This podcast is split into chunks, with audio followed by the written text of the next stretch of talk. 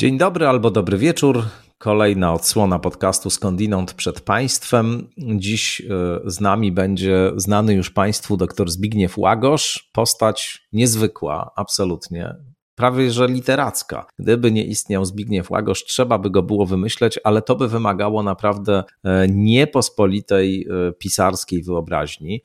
Religioznawca, doktor religioznawstwa, specjalizujący się w studiach nad ezoteryzmem e, i w tym w tychże studiach nad ezoteryzmem w szczególności zajmujący się polską ezoteryką, autor e, książek poświęconych e, postaci Czesława Czyńskiego, Punarbhava, Czesław Czyński, Alister Crowell w świetle dwudziestowiecznej tradycji ezoterycznej. To jest jedna książka Zbigniewa Łagosza i druga Czesław Czyński, Czarny Adept. Jest współtwórcą i zastępcą redaktora naczelnego czasopisma Hermajon. Redaktorem naczelnym jest również znany Państwu ze skądinąd i pewnie nie tylko Dariusz Misiuna, który też właśnie u nas kiedyś gościł. Zbigniew Łagosz oprócz tego, że się zajmuje mm, polską ezoteryką i że jest i że jest e, no, wybitnym ekspertem w tej dziedzinie, to jeszcze jest, proszę sobie wyobrazić, międzynarodowym sędzią bokserskim. Zresztą w 2017 roku nawet dostał specjalną nagrodę dla najlepszego sędziego ringowego organizacji WBF.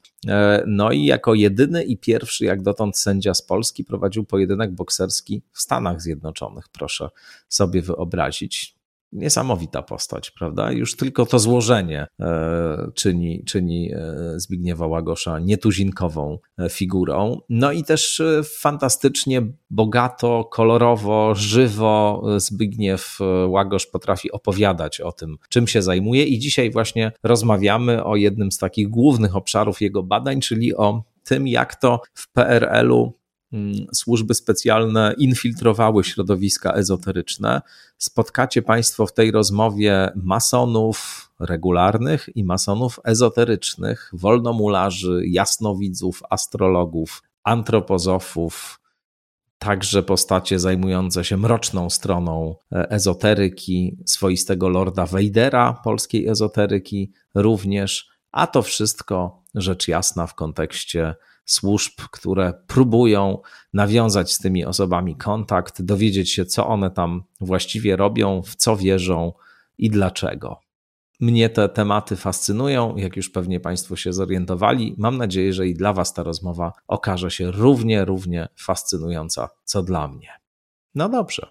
Doktor Zbigniew Łagosz przed Państwem.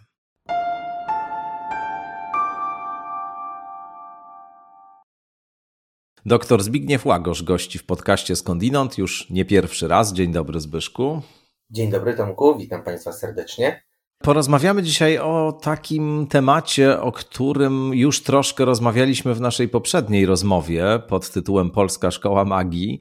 Mogą Państwo sobie do tej rozmowy sięgnąć. Bardzo ciekawa, zresztą wspaniały feedback e, później był po tej, po tej właśnie rozmowie. Ale pomyślałem, żeby Cię znowu zaprosić, bo e, przed kilkoma dniami zmarł Sławomir Bubicz, e, pionier hatha yogi według systemu Ayengara w Polsce. No, człowiek legenda, który w latach 80. tutaj do Polski tę jogę Ayengara przywiózł. Jakkolwiek oczywiście yoga w Polsce mm, już e, występowała i były osoby, które jogą się zajmowały, pisały o niej, praktykowały ją, a nawet jej nauczały. Jedną z takich postaci e, znamienitych w tym jogicznym kręgu był na przykład Leon Cyboran ale, ale no, to de facto Bubicz tą całą nowoczesną hatha jogę dziś powszechnie praktykowaną E, do Polski sprowadził. E, wcześniej e, w tym roku zmarł także Jerzy Prokopiuk, postać, której zapewne wielu z Państwa nie trzeba przedstawiać. Gnostyk, ezoteryk, tłumacz wybitny wielu dzieł z zakresu absolutnej klasyki literatury i filozofii zachodniej, z kręgu niemieckojęzycznego głównie. E, I pomyślałem, że żeby dzisiaj trochę pomówić przy okazji tych dwóch e, śmierci, tych emblematycznych, legendarnych postaci, o alternatywnych światopoglądach, ezoteryce w Polskiej Rzeczpospolitej Ludowej. Bogaty to był świat, nie jakiś niesamowicie rozbudowany, ale barwny, bogaty i wypełniony niezwykłymi osobowościami. Przy okazji jeszcze będący w dość y, intensywnym kręgu zainteresowań władzy i służb specjalnych. No i ty się tym wszystkim zajmujesz badasz y, tę epokę, badasz właśnie ezoterykę w PRL-u i badasz także służby specjalne polskie, które się e, tym tematem interesowały. No i dlatego pomyślałem, że, że chyba czas znowu pogadać. No jest mi oczywiście niezmiernie miło, jak zawsze gościć na takich niesamowitych falach. E, tutaj powiem na dwóch płaszczyznach oczywiście tych fal. Natomiast pierwszy Cała przyjemność tego... po naszej stronie. Bardzo dziękuję, że oczywiście te dwie, ale i pewnie więcej śmierci, e, które nas e, w, tych, w tym roku i w roku ubiegłym bardzo mocno dotknęły. No, śmierć, o której mówisz, tego wybitnego jogina, niesamowita sprawa ze względu na to, że z tego co ja wiem i z opowieści, ponieważ ja nie znam osobiście, ale na przykład Darka Misiuny, który uczęszczał na zajęcia, no to ścieżka praktykowana tam była strasznie radykalna. E, to znaczy był bardzo, bardzo mocno e, sprzężony system filozofii jogi i, i pozycji jogi i on był naprawdę na bardzo wysokim poziomie. Mnóstwo osób wykształciło się na właśnie no, bardzo, tym... bardzo wielu takich tak. znamienitych nauczycieli prowadzących Dokładnie. dzisiaj swoje ośrodki, na przykład w Warszawie, ale nie tylko w Warszawie, to są wszystko uczniowie Sławomira Bubicza. No właśnie. I to jest o tyle bardzo, bardzo ciężko, ciężko na to spojrzeć, jeszcze ze względu choćby na to, że ja z tego co słyszałem, no, był w naprawdę w wyśmienitej kondycji fizycznej. No ale niestety to. Zmarł, tak zmarł na COVID, e, no z tego co wiemy. No właśnie. E, ja akurat znałem go nie jakoś bardzo dobrze, ale e, jakoś tam go znałem. Miałem z nim styczność, też nagrałem E, z nim bardzo długą rozmowę kiedyś jeszcze za czasów e, radia RDC, w którym prowadziłem godzinę filozofów. Po śmierci, e, przepraszam, niedzielę filozofów wtedy prowadziłem tam. Po śmierci BKS Ayengara właśnie, tego mistrza Sławomira Bubicza, no i też człowieka, który na zachód z kolei tą hatha jogę przywiózł. Rozmawialiśmy bardzo długo, on opowiadał o swojej drodze, o tym jak wyjeżdżał do Indii mm, właśnie w latach 80., 70., szukał różnych e, dróg rozwoju duchowego, jak trafił do Puny, czyli do tego miejsca, gdzie Iyengar mieszkał i, i nauczał. No fascynujące to były opowieści. No też y, trzeba tu uczciwie powiedzieć, y, odżegnywał się od szczepień i uważał, że nie ma absolutnie takiej potrzeby, żeby szczepienia przyjmować. No i to jest rzeczywiście jakaś brutalna, ponura ironia losu, że, że człowiek w tak doskonałej kondycji fizycznej, tak przekonany o tym, że właściwie te kwestie go nie dotyczą, no właśnie umiera na COVID. No to, no właśnie, to jest, to jest też dość, upiorny historii. Właśnie, dość, dość ciekawa sprawa, oczywiście nie, nie na ten temat, ale myślę, że tutaj trzeba by było kogoś wziąć, y, kto, kto rzeczywiście jakby ma y, całą wiedzę na ten temat. Y, mówię teraz o COVID-zie w konotacji z bardzo dobrze wyszkolonym czy wytrenowanym organizmem, bo okazuje się, że wielu sportowców, którzy są naprawdę na ogromnym poziomie wytrenowania organizmu, przechodzi ten COVID radykalnie, strasznie. I to jest bardzo ciekawa konotacja, która oczywiście nie, na pewno nie podlega no, dyskusji mm. w, w, dniu dzisiejszym, ale, ale na pewno ciekawy, na, na pewno byłbym bardzo zainteresowany badaniami e, mówiącymi o tym, dlaczego właśnie w taki sposób to, to, to, to, to polega. Bardzo ciekawe. No ty też masz e, bezpośrednią styczność ze środowiskiem no sportowym. Rozumiem, że to też z jakiegoś po prostu kręgu twoich znajomych. Tak, wiesz, dokładnie tak. tak. No, mhm. no mnóstwo bokserów i fantastycznych fighterów z innych e, dyscyplin sportu w momencie, kiedy e, dostaje covid a przecież są czasami naprawdę w trybie ogromnego wytrenowania organizmu, przechodzi go tak, że często kończy się to hospitalizacjami. I to jest bardzo ciekawe, i mimo tego, że e, no naprawdę organizm powinien dawać sobie radę, e, że tak powiem, e, o wiele łatwiej czy lepiej niż organizm niewytrenowany, tutaj dochodzi do jakiegoś takiego dziwnego sprzężenia. I to jest bardzo ciekawe i z przyjemnością dowiedziałbym się czegoś więcej na ten temat. To sobie notuję jako temat do którejś kolejnej rozmowy wobec tego. No wyśmienicie.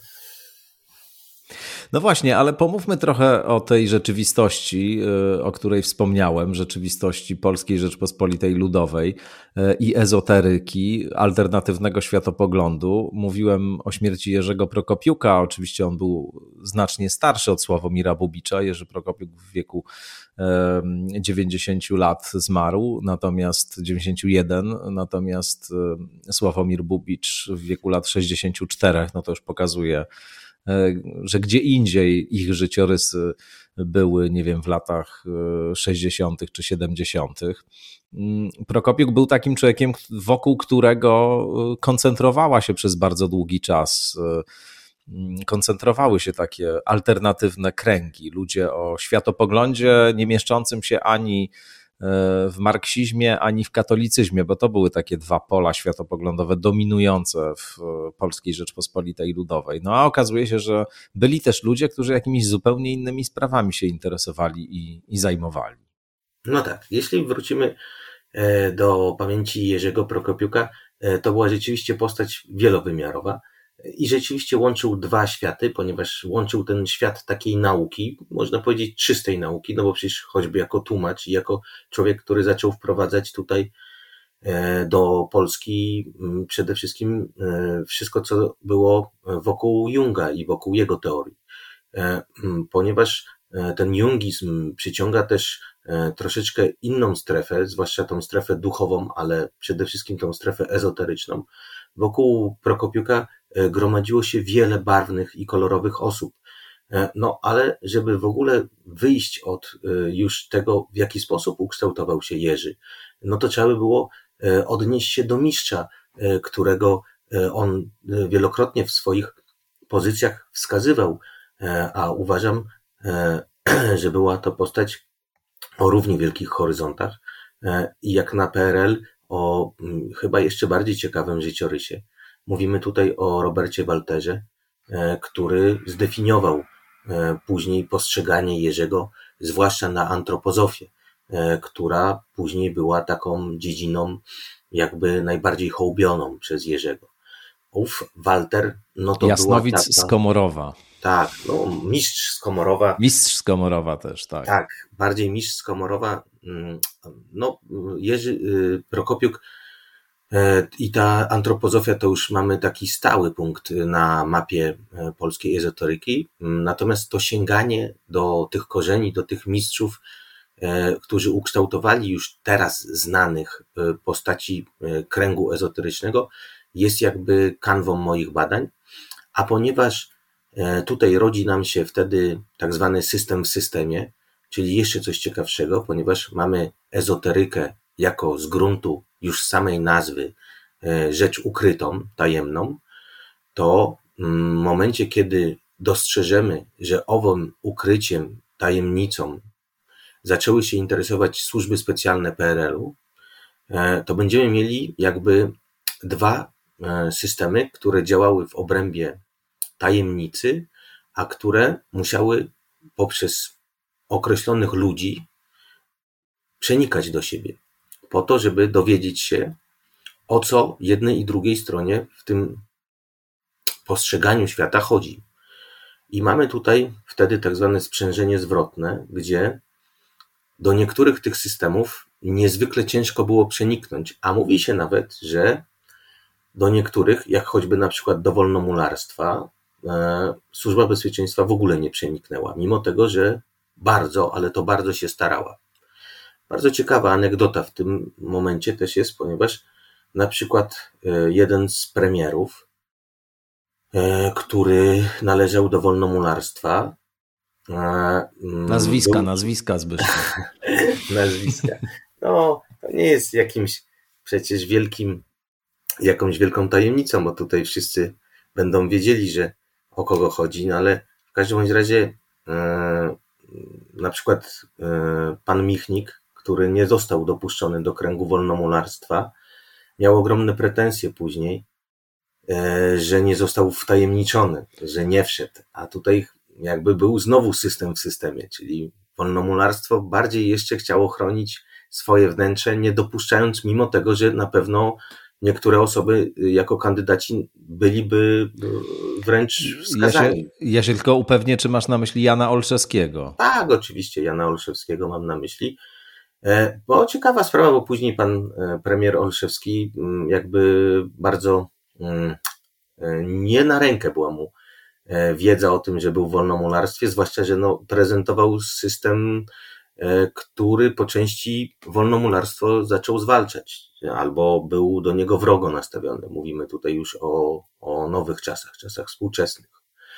No i wracając do, tej, do tego początku, E, to mamy dwie siły, jakby e, dwie siły oparte na, na działaniu tajnym, które muszą ze sobą e, w pewien sposób mm, jakby dotrzeć do siebie. Czyli masonerię i służbę bezpieczeństwa. No, Urząd masoneria bezpieczeństwa. To już, masoneria to już jest jakby taki, powiedzmy, najbardziej, powiedzmy, w, naj, w największym takim mm, soczewce zainteresowań służb specjalnych, ale mamy o wiele mniejsze systemy, które e, jakby też bardzo iskrzyły, e, świeciły się na tej mapie ezoterycznej. A tak jak grupa były... skupiona wokół Waltera, tak? No oczywiście. No, Walter łączy te, te światy, bo też jest, e, też był wolnomularzem. No, Walter nie należał do wolnomularstwa, jeśli mówimy o wolnomularstwie regularnym. Mhm. Walter był e, wolnomularzem, jeśli tak możemy go nazwać, należał do tak zwanej masonerii ezoterycznej, czyli tak zwanych obrzeży masonerii. E, tutaj trzeba by było wskazać na pewien fakt, że ma masoneria regularna e, nie uznaje masonerii ezoterycznej jako takiej, więc to no tu jest taka bardzo subtelna A ezoteryczna granica. uznaje regularną, czy też nie uznaje? Bo to by było pięknie, gdyby tak nawzajem się nie uznawali. W ten oto sposób, w ten oto sposób, że e, pierwszym pomysłem na to, żeby przyciągnąć e, wolnomularzy regularnych do wolnomularstwa ezoterycznego, teraz powiem na przykład o jakie ryty mi chodzi, bo jednym z takich rytów był właśnie na przykład ryt egipski Memphis Mizriam, którego współzałożycielem w Polsce i jednym z głównych adherentów był właśnie Robert Walter. E, więc e, mamy tutaj Memphis Mizriam, mamy tutaj martynizm, mamy jeszcze różokrzyżowców, mamy jeszcze inne tego typu e, wolnomularstwo i na przykład wolnomularze, jeśli takich nazwiemy, ezoteryczni z kręgu martynizmu, wpadli na pomysł taki, że aby przyciągnąć wolnomularstwo regularne, ogłosili, iż osoba, która chce dostać się do zakonu martynistów, musi posiadać minimum stopień mistrza, czyli trzeci stopień, w tradycji wolnomularstwa regularnego. E, no i to się kończyło niepowodzeniem, dlatego że e, wolnomularze e, regularni nie zasilali tych szeregów i ponieważ zdobycie onegdaj tego trzeciego stopnia, tego stopnia mistrzowskiego było dość trudne, Wolnomularzom regularnym nie zależało na to, żeby zasilać szeregi masonerii ezoterycznej i oni musieli odstąpić od tego e, systemu i zrezygnować z obowiązku posiadania trzeciego stopnia, ponieważ nikt by w tym ich zakonie nie uczestniczył. E, I teraz, e, jeżeli będziemy mieli tutaj rozmowę na temat tego, jaka jest e, różnica pomiędzy regularnym a ezoterycznym, no to to jest już na, naprawdę na odrębny odcinek.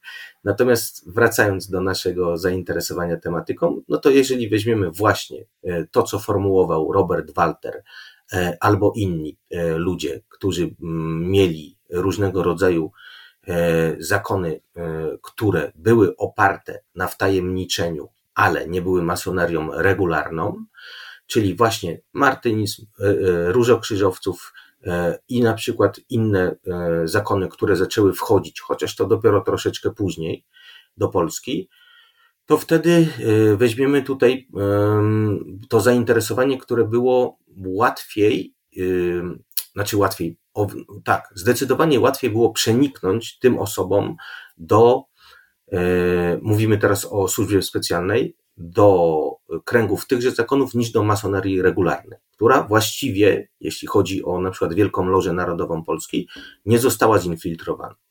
A jak w ogóle sobie, y, bo jeszcze chciałbym, żebyśmy o samym Robercie Walterze trochę powiedzieli, tak taką garść biograficznych informacji rzucili dla osób, które w ogóle się nigdy nie zetknęły z tą postacią, no bo to też nie jest jakiś człowiek bardzo powszechnie znany. On jest znany w pewnych kręgach, szeroko znany w wąskich kręgach, tak bym powiedział, ale no, no pięknie, niezwykle, pięknie niezwy niezwykle, niezwykle ciekawa postać. Ale zanim o samym Walterze, to myślę, że e, skoro już zacząłeś mówić o, o masonerii, o rozmaitych lożach, e, masońskich, to, to nakreśl trochę ten krajobraz funkcjonowania masonerii w PRL-u. Jak to właściwie wyglądało? E, czy, czy duże były te środowiska? Kto był w tych środowiskach zrzeszony? Jak właściwie sobie w Polskiej Rzeczpospolitej Ludowej ta masoneria radziła? No, no niespecjalnie radziła w tym sensie, że była oczywiście e, strukturą podziemną, działań podziemnych, ponieważ nie mogła prowadzić e, swoich e, prac lożowych oficjalnie. Z tego względu, że jeżeli weźmiemy pod uwagę to, w jaki sposób w ogóle system PRL-u odnosił się do jakichkolwiek sytuacji związanych z czymś tajnym, no to oczywiście musimy wziąć pod uwagę, że system wolnomularstwa, który jest zahaczony w tajemnicy jako takiej. Oczywiście jego e, rzeczy, e, część musi być jawna, bo przecież on to jest obecnie normalnie zarejestrowane stowarzyszenie, które działa normalnie, płaci podatki, działa na zasadach takich, jakie powinny być dla określonych stowarzyszeń. Natomiast prace lożowe i część rytualna, która odbywa się w lożach, jest i będzie zawsze tajemnicą dla tak zwanych profanów, czyli osób, które nie są zrzeszone w danym systemie, w danej loży. E, no, oczywiście były różnego rodzaju zabiegi, e, ale tutaj, tutaj są dwie osoby, które na ten temat mogłyby powiedzieć i, i przeprowadzić potężną dyskusję. Oczywiście na pierwszym miejscu jest profesor e, Tadeusz Cegielski, no, który którego książki to jest dzisiaj coś takiego, jak kiedyś y, był Has, który pisał o masonerii, który był najwybitniejszym masonologiem. Dziś oczywiście niektóre e, jego tezy już nie wytrzymują e, e, tego okresu badawczego, który w tej chwili jest przeprowadzany. Natomiast jeśli chodzi o wiedzę o masonerii, wolnomunarstwie współczesnym, no i historii wolnomunarstwa w Polsce, to profesor Tadeusz Cegielski byłby tutaj najznamienitszym gościem. Wymienię jeszcze fantastyczną książkę Tomasza Kroka e, o antymasońskiej komórce Episkopatu Polski, e, w której e, dowiecie się Państwo na temat tego, jak powstała komórka, która dostawała pieniądze od kardynała Wyszyńskiego, żeby prowadzić badania na temat wolnomularstwa w Polsce i jej członków, bo onegdaj uważano, że E, masoneria e, dla Kościoła katolickiego i dla PRL-u może być wspólnym wrogiem. E, I że była to płaszczyzna jakiegoś takiego wspólnego wroga, oczywiście z dwóch całkowicie innych przyczyn. Natomiast, żeby wrócić do tematu, bo ja czasami zbyt się rozwlekam, My tu historii. lubimy dygresję, wiesz, bardzo lubimy dygresję, więc nie ma Rozumiem. problemu. Mm, no to tutaj, tutaj, tutaj mamy taką sprawę, E, że były różnego rodzaju zabiegi, podchodzono do różnych e, włodarzy, czy tam można powiedzieć, osób zajmujących e, czołowe stanowiska, żeby zezwolić na pracę wolnomularstwa. Podchodzono do Bieruta, podchodzono do Gomułki i radykalna odpowiedź była, że całkowicie i, i nieprzerwanie nie, więc wolnomularstwo nie mogło działać w żaden sposób.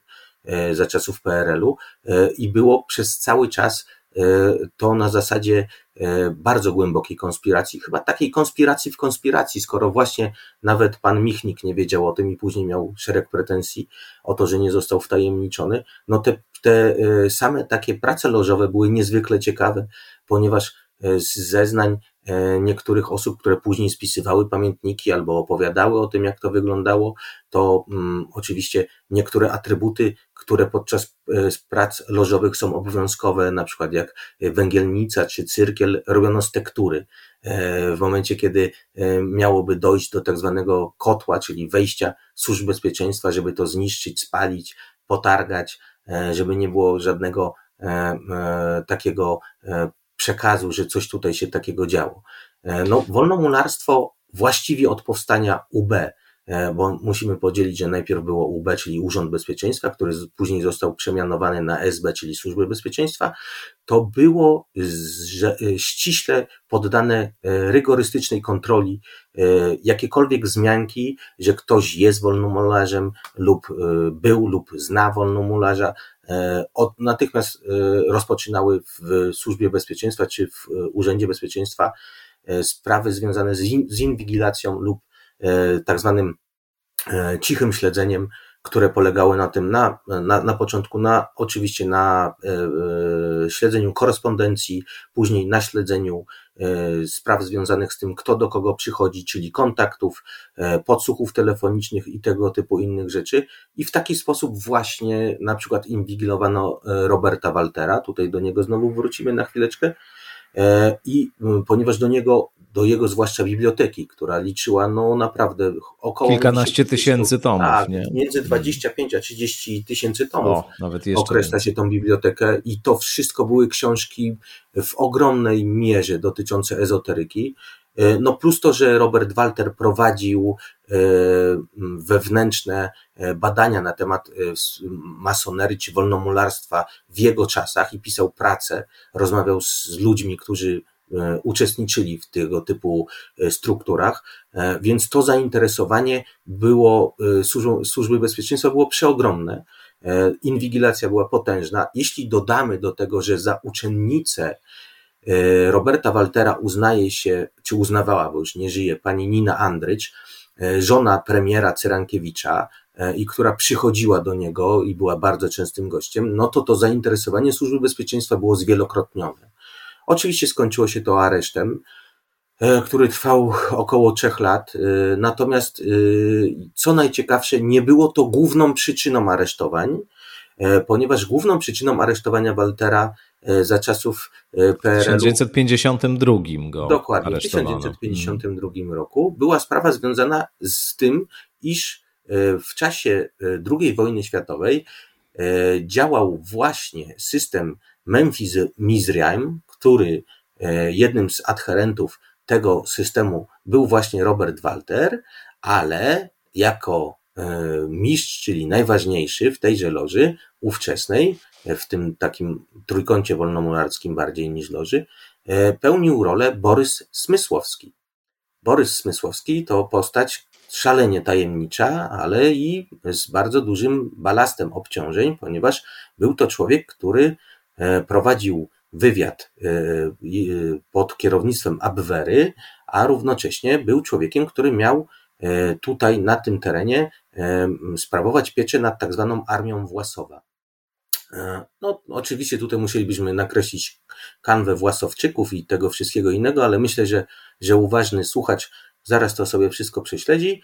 W każdym bądź razie napisałem taki artykuł o Robercie Walterze i jego działaniach e, związanych z tym systemem Memphis Museum, a równocześnie z systemem tak zwanej walki szpiegowskiej, ponieważ pod agendą tego e, e, systemu odbywała się walka wywiadów.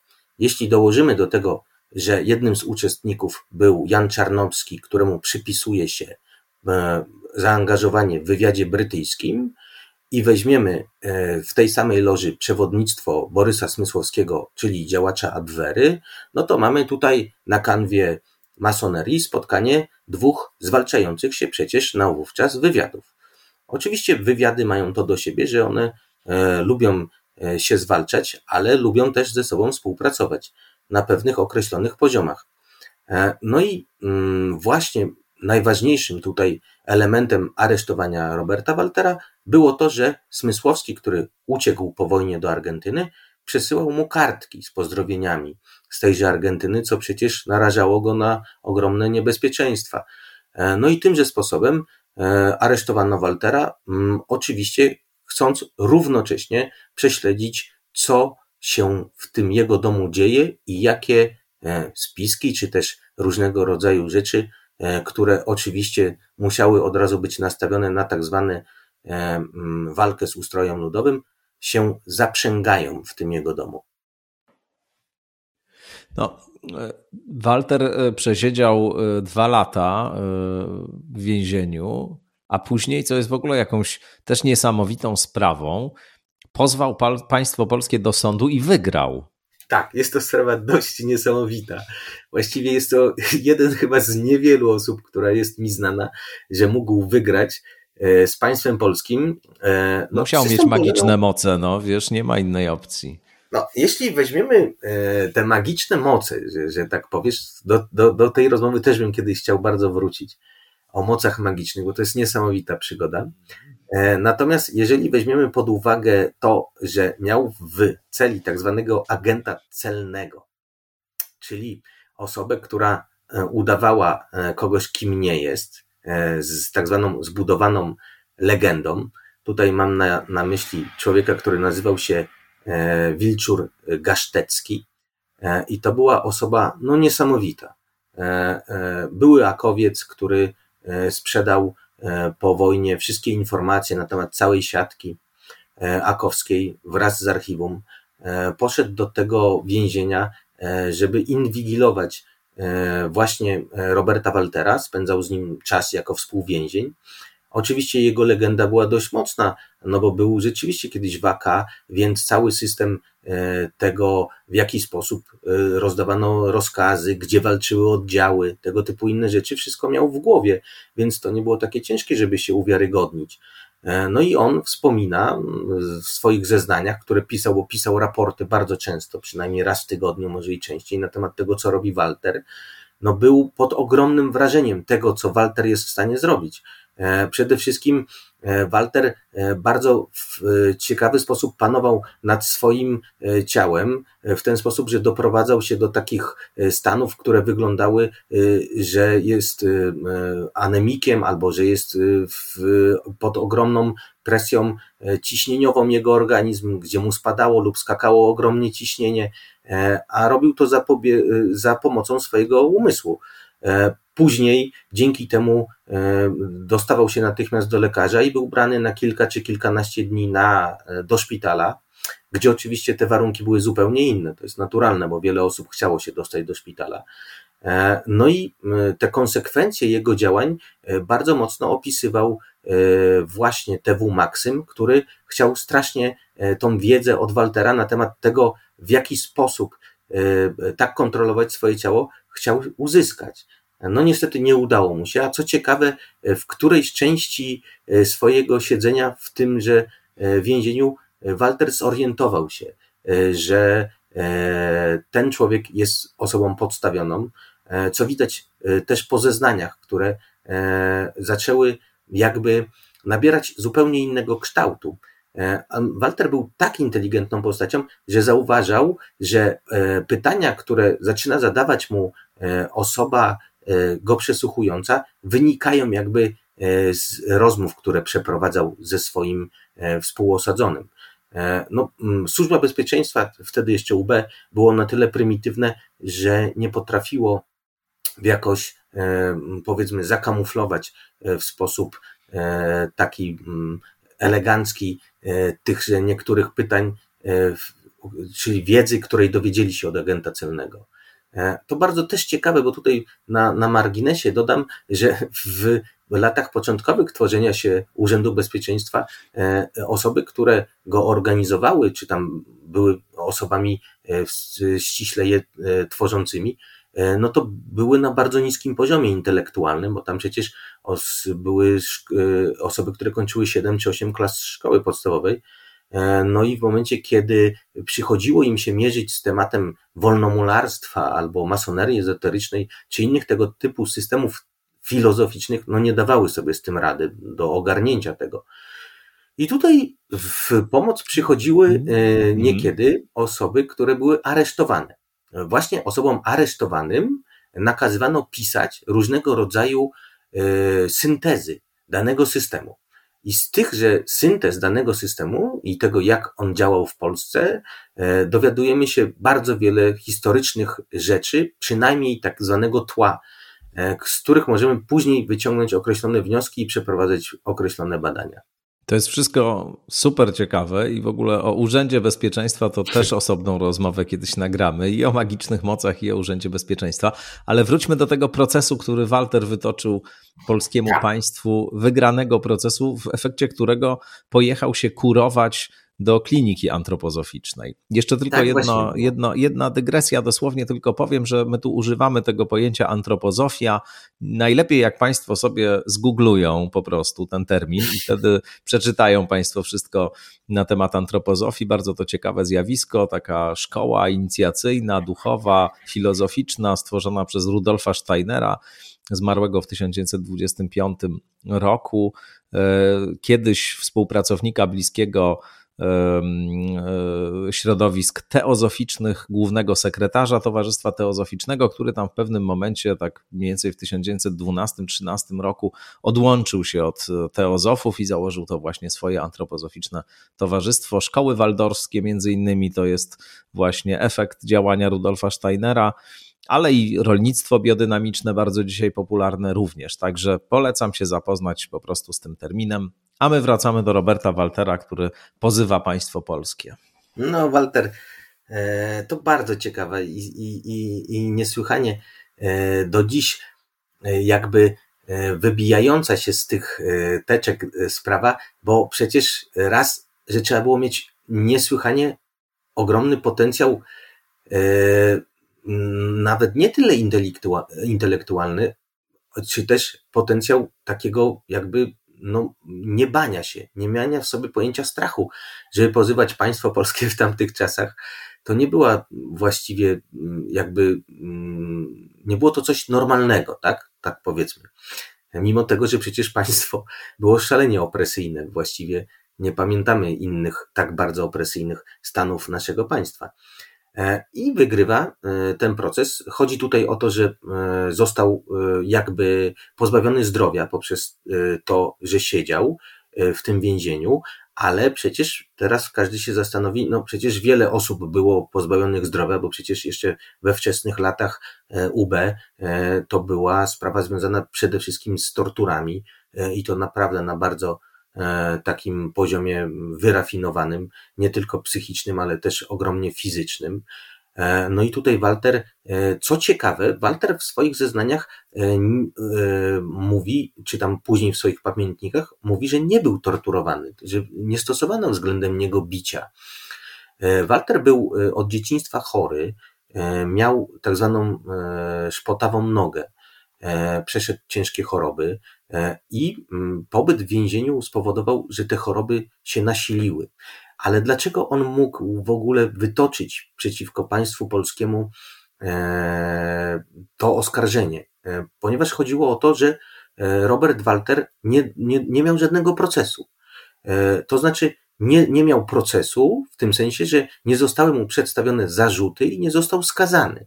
Czyli przesiedział w areszcie prawie trzy lata i został z tego aresztu wypuszczony.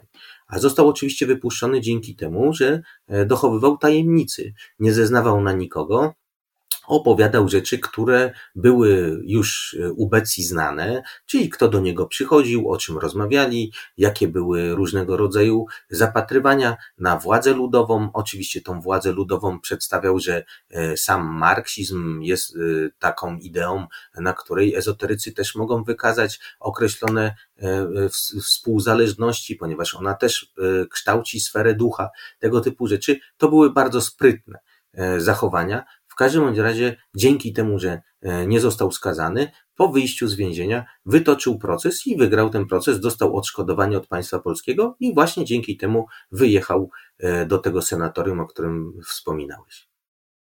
No a potem wrócił e, i wokół, on w ogóle pracował jako perfumolog. E, tworzył no tutaj, zapachy perfum. To też w ogóle jest jakaś barwna historia. To jest barwna historia, jeszcze tak barwna i znamienita, że przecież e, Robert Walter opracował e, jeden z chyba z najpopularniejszych ery PRL-u perfum dla pani o nazwie Madame Walewska. Pani, pani Walewska, dokładnie.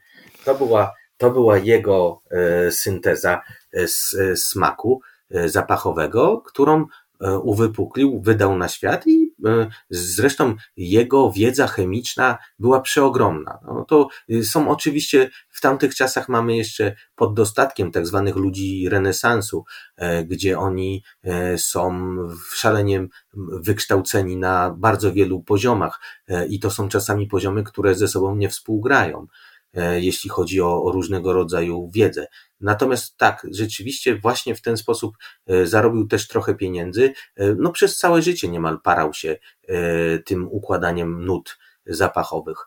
To było, miał nawet własną, jak na tamte czasy, właściwie prywatną firmę, w której wytwarzał różnego rodzaju kosmetyki. No i y, przy okazji był jeszcze astrologiem, praktykował homeopatię również i skupiał wokół siebie y, krąg rozmaitych, niezwykłych postaci. Właśnie młody Jerzy Prokopiuk gdzieś tam y, w tych okolicach się mm, pojawił, czasowych, przy Walterze, razem z Andrzejem Wiercińskim zresztą. E, znanym antropologiem e, polskim, jednym z najwybitniejszych, zmarłym już dosyć dawno temu. Oni tam we dwóch, e, to zresztą byli koledzy licealni, Prokopiuk i Wierciński, w tej orbicie Waltera się znaleźli. Obaj się stali takimi jego bliskimi przyjaciółmi i uczniami zarazem. Przy czym służby specjalne starały się obu namówić na to, żeby na Waltera donosili.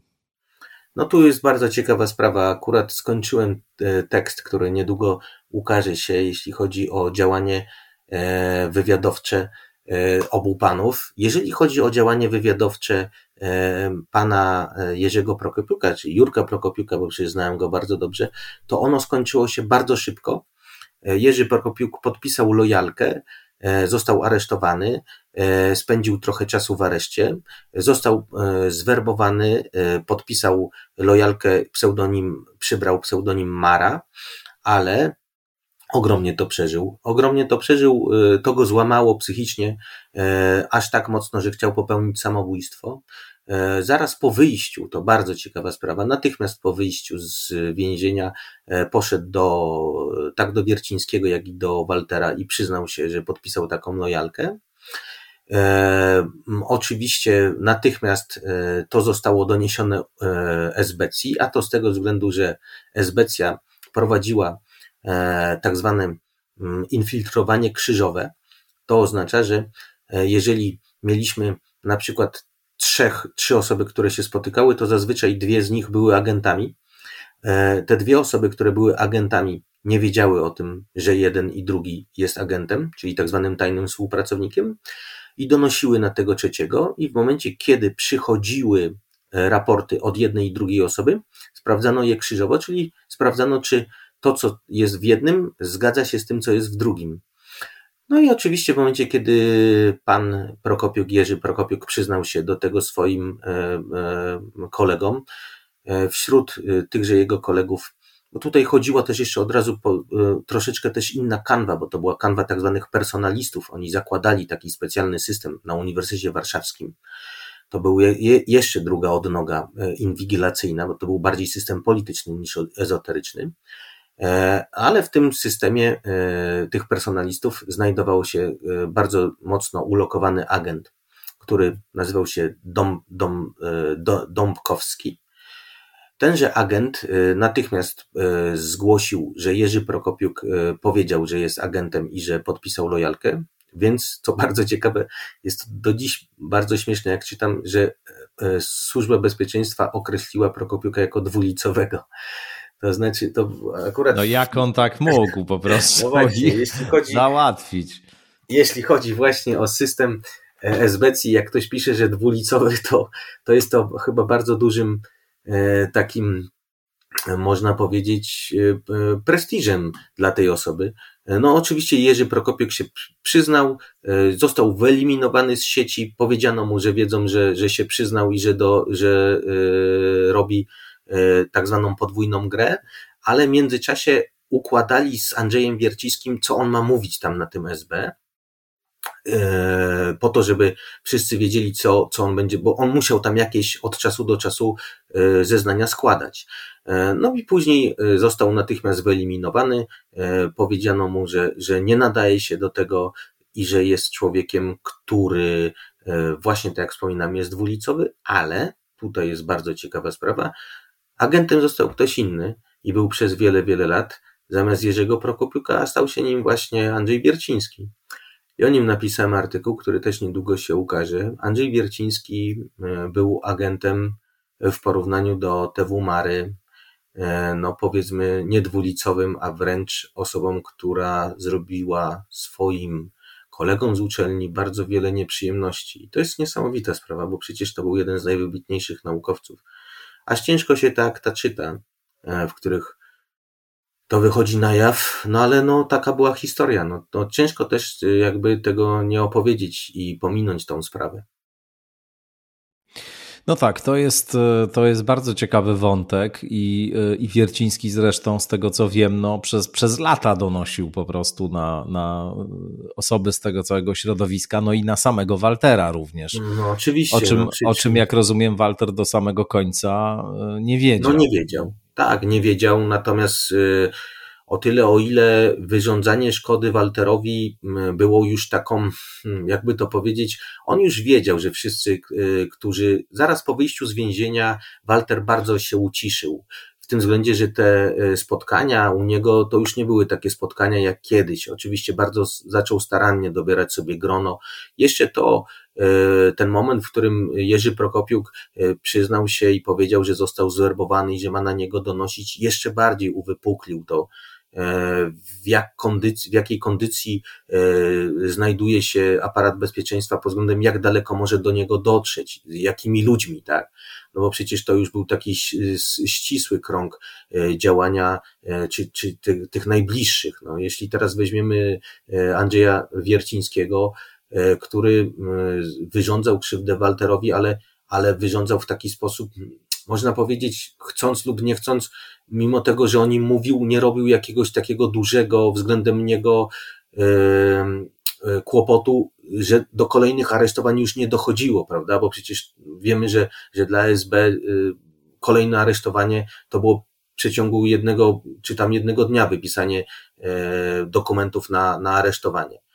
Ale do tego nie dochodziło. Natomiast Andrzej Wierciński przeszedł po prostu całą szkołę właściwie szpiegowską gdzie uczył się, e, ponieważ on miał e, być zadaniowany e, ze względu na to, że wyjeżdżał do Egiptu, że wyjeżdżał na różnego rodzaju sympozja, że był uznanym autorytetem, miał być zadaniowany na zagranicę.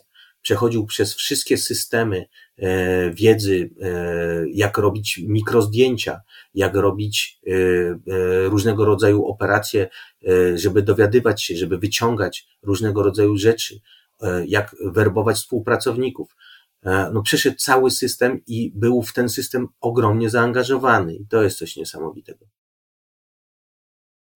No to jeszcze pewnie doczeka się jakiejś książkowej publikacji, bo to, bo to jest, tak, no, jest no, niesamowity no, życiorys. I zachęcam tak. cię, Zbyszku, do napisania książki o, o tym, bo, bo, bo postać jest niezwykła. Jeden z takich naprawdę najwybitniejszych polskich antropologów, znany, cytowany za granicą, e, no wybitny uczony bez wątpienia. No właściwie stworzył polską szkołę antropologii, tak, to tutaj nie ma co tak. mówić. A zarazem to, to drugie życie właśnie, właśnie tego rodzaju. No, no fascynująca, fascynująca zupełnie historia. No dobrze, to ten, nazwijmy to pion walterowski mamy dosyć dobrze opisany. Och, na pewno nie, to jesteśmy przy nie, 10%, no to ale powiedzmy, że mamy go opisany. Zarysowany, zarysowany. Zarysowany. W każdym razie był taki człowiek, on rzeczywiście zajmował się jasnowidzeniem, astrologią, miał te wszystkie swoje antropozoficzne inicjacje. Jest taka praca magisterska e, napisana właśnie na temat Roberta Waltera, E, i e, ona niestety jest chyba do lektury wyłącznie w e, bibliotece Instytutu Kultury Polskiej bądź też Wydziału Polonistyki po prostu, ale to jest jedna biblioteka i, i, i to rzeczywiście jest taki bardzo szczegółowy życiorys Waltera. A o której pracownisz, Tomku, jeśli możesz mi powiedzieć? Maciej Puczyński. Maćka Puczyńskiego, Maciej... tak, tak, oczywiście. Tak, no to, tak, to, jest, tak. to, jest, to jest fenomen. To jest fenomen. Świetna rzecz. Ja żałuję, Oczywiście. że to się nigdy nie ukazało w No ja chciałem tą druku. książkę mm. wydać. E, ale, ale no po prostu Maciek jest tak zaangażowany w różnego rodzaju inne rzeczy, bo to jest realizator przemysłu filmowego i on po prostu nie ma na to czasu. On to stworzył wraz z Maxem Bojarskim, przy pomocy Maxa Bojarskiego i oni byli bardzo bliskimi współpracownikami Jerzego Prokopiuka przez wiele, wiele lat.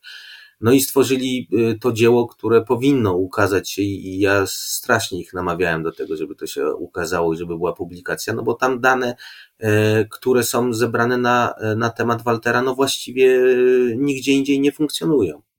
Tak, ja czytałem tą, tą pracę kiedyś tam, no, mniej więcej w okresie, kiedy ona powstała, zaraz, zaraz krótko potem, i też się trochę w tym kręgu E, Jerzego Prokopiuka obracałem e, przez, przez pewien czas, ale nie zostałem tam na dłużej, tylko raczej tak się przewinąłem przez to środowisko. Jakkolwiek też oczywiście z Prokopiukiem się dobrze znałem i, e, i właściwie do końca jego życia jakiś tam kontakt utrzymywaliśmy. Natomiast no pamiętam, że to było też poza wszystkim świetnie napisane i, i, poza tym, że właśnie ten życiorys był niesamowity zupełnie, no to, to, to sama lektura była, była pasjonująca i wartka, więc, więc zdecydowanie warto by było z tego zrobić książkę. Ale mm, Wierciński, Prokopiuk y, to jest y, historia tych prób y, mm, nawiązywania współpracy przez służby i namawiania właśnie do, do, do donoszenia. Natomiast oczywiście to nie było jedyne środowisko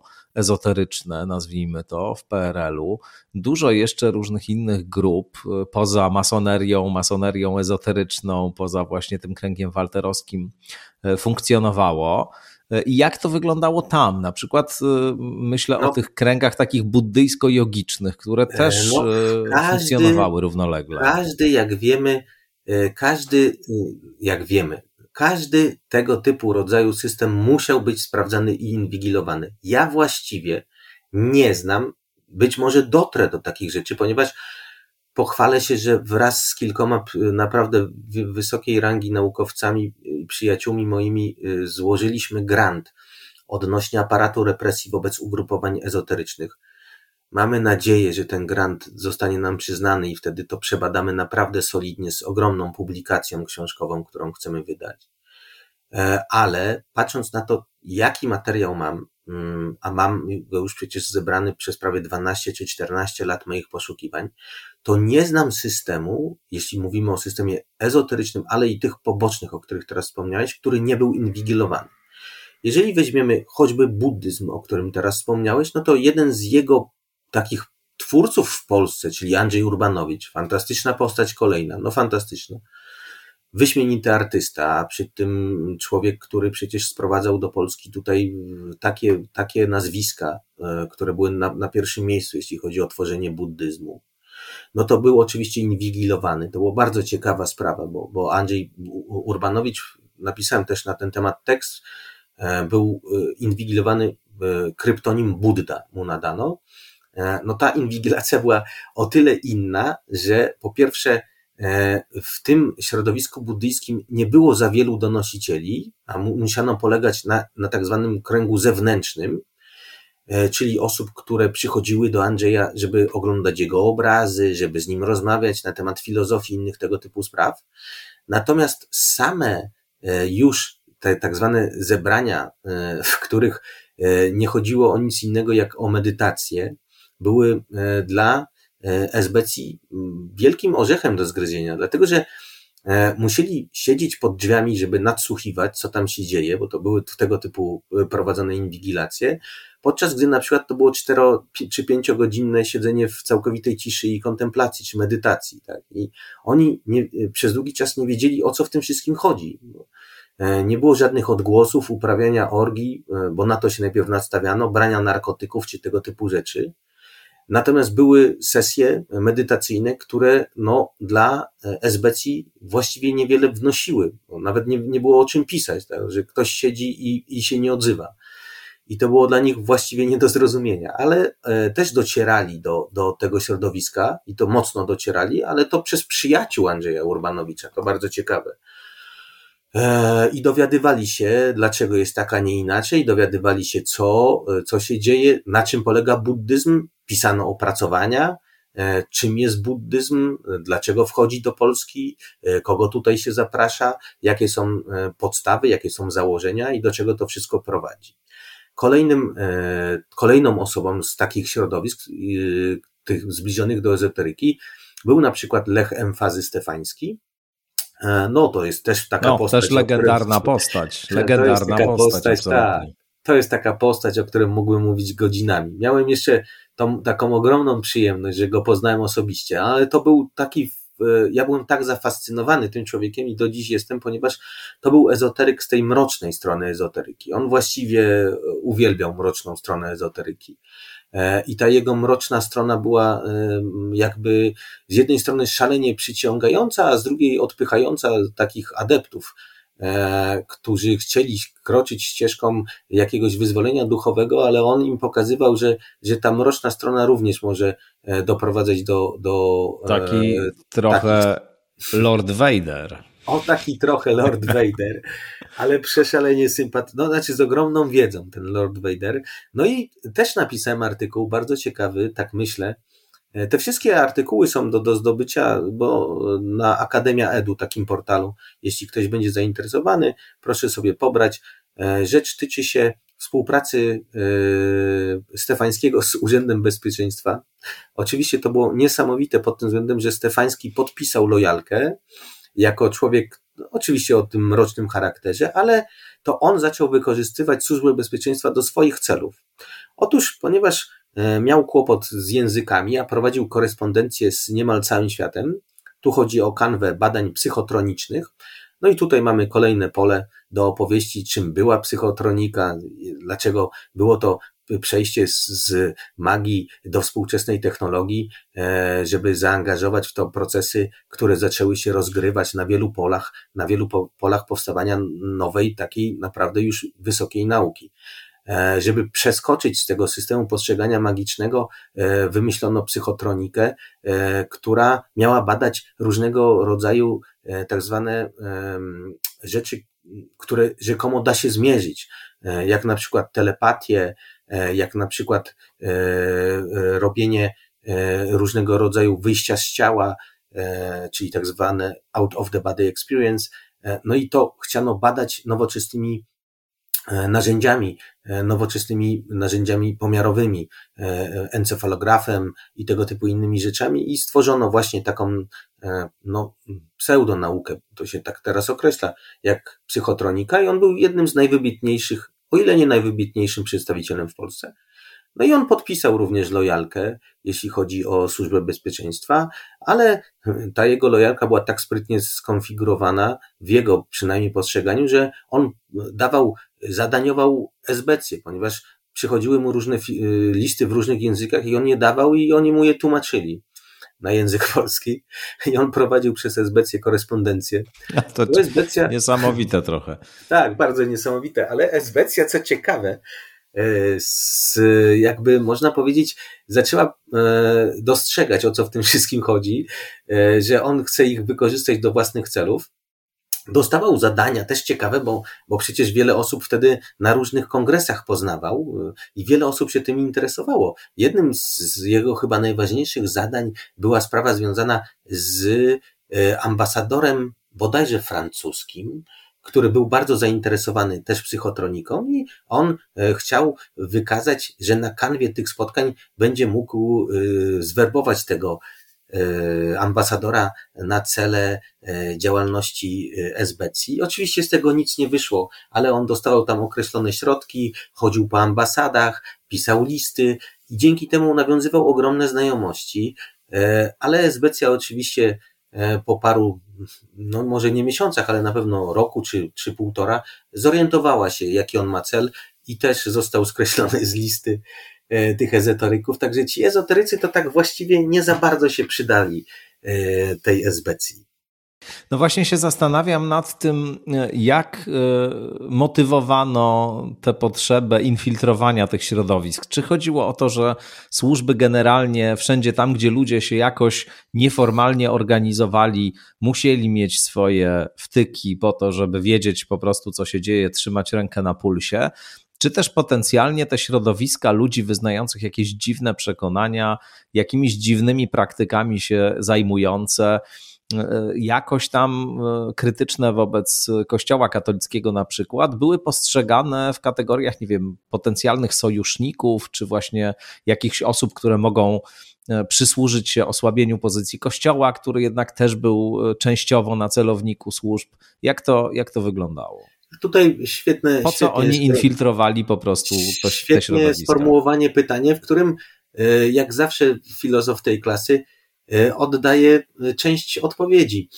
E, dokładnie tak było, jak mówisz, w tym względzie, że po pierwsze, i tutaj też troszeczkę się cofniemy do tyłu, jedną z najważniejszych przyczyn tego typu formułowania założeń inwigilacji była sprawa tego, że gro, właściwie nie wiem czy nie większość, ezoteryków podczas okupacji działała w podziemiu. I to bardzo mocno pomagając różnego określonym E, typu ludziom.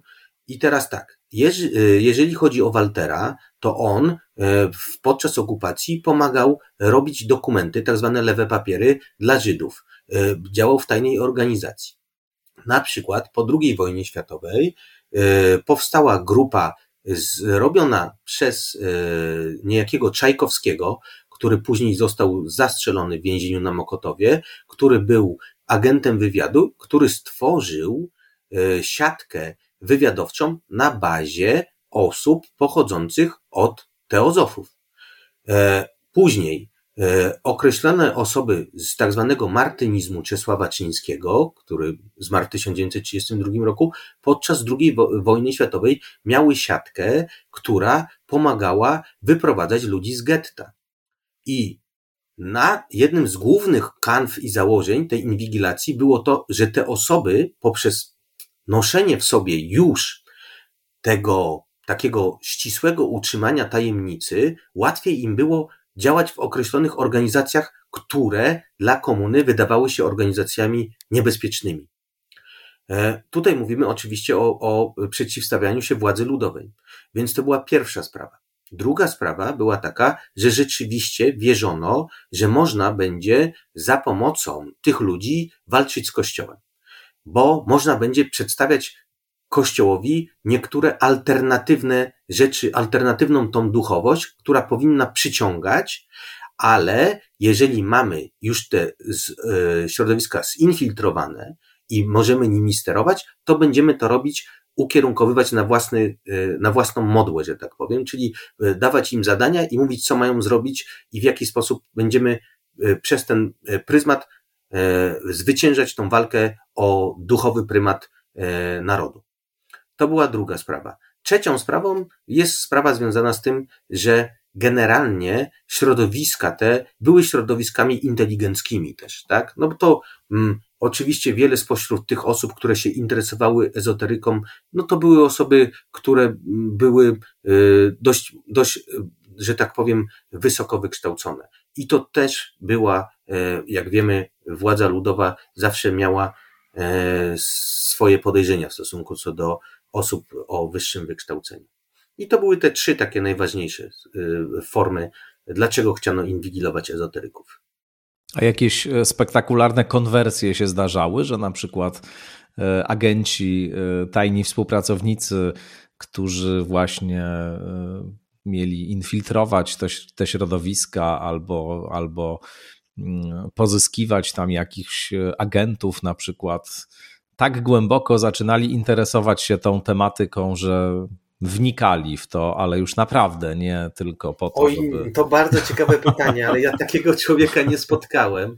No idealne pytanie i, i chyba chyba zaraz sobie to pytanie zapiszę na karteczce, żeby e, e, pod tym kątem też ująć swój zestaw badawczy. Myślę, że chodzi Ci o coś takiego, jak podczas e, jeśli, ale to są na przykład sporadyczne były przypadki, jeśli chodzi o fakt, że y, z SB-ków, SBcy przechodzili na drugą stronę, tak?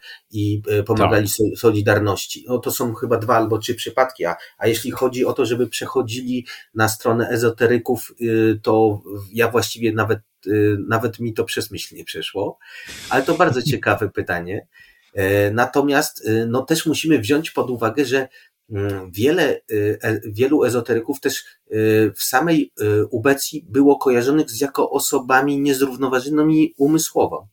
Jeśli weźmiemy na przykład tak późniejszych ezoteryków, już takich lata 70., 80., jak na przykład Jan Zawada, gdzie on zaczął interesować się bardzo mocno UFO, i robił dla swoich takich przyjaciół zadania pod tytułem, że mieli o danej godzinie siadać przed oknem i rozmyślać o UFO bardzo intensywnie i ono miało się ukazać w określonym miejscu, no to te później oficerowie, którzy to odpisywali, opisywali E, o co w tym wszystkim chodzi, zadawali sobie pytania, czy ten człowiek, czy nie należałoby go najpierw zbadać, e, jeśli chodzi o jego e, zdrowie psychiczne.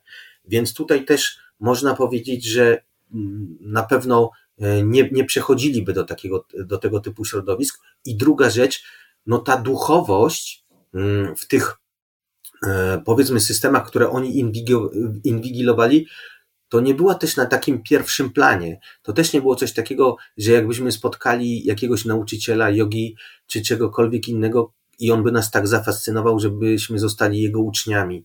E, no to tutaj też nie było to właśnie w takim polu. To wszystko było takie, można powiedzieć, bardziej taka fascynacja, e, takie coś nowego, coś, co miało e, jakby też właśnie ten atrybut tej tajności, tego typu rzeczy, ale ta duchowość wewnątrz, to ona aż tak nie wybijała strasznie. No, długo moglibyśmy jeszcze o tym rozmawiać i z pewnością e, nie po raz ostatni się tutaj e, spotykamy. Bardzo serdecznie Ci dziękuję za tę pasjonującą, jak zawsze, opowieść. Doktor Zbigniew no to ja bardzo dziękuję za wysłuchanie. Oczywiście, tak jak mówię, no to nawet nie jest 3% tego, o czym moglibyśmy Wiadomo, rozmawiać. ale jeszcze, jeszcze przed nami, mam nadzieję, nie jedna taka rozmowa. Zawsze no i Państwu, Państwu też dziękujemy bardzo. Oczywiście do usłyszenia. Wszystkiego dobrego. Do usłyszenia.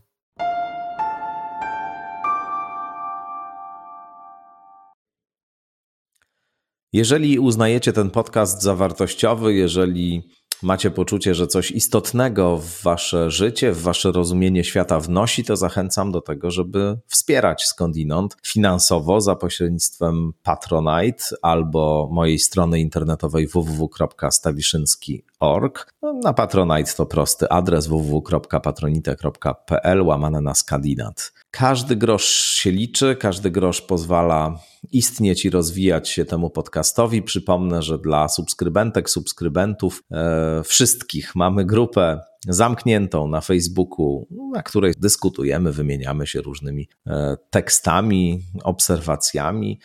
A dla osób, które wspierają ten podcast kwotą 20 zł miesięcznie i wyżej, mamy również specjalny newsletter, który wysyłam co tydzień po każdym odcinku w środy i który zawiera rozmaite rekomendacje dotyczące tego, co jeszcze warto przeczytać, z czym może warto się zapoznać, jakie książki warto mieć.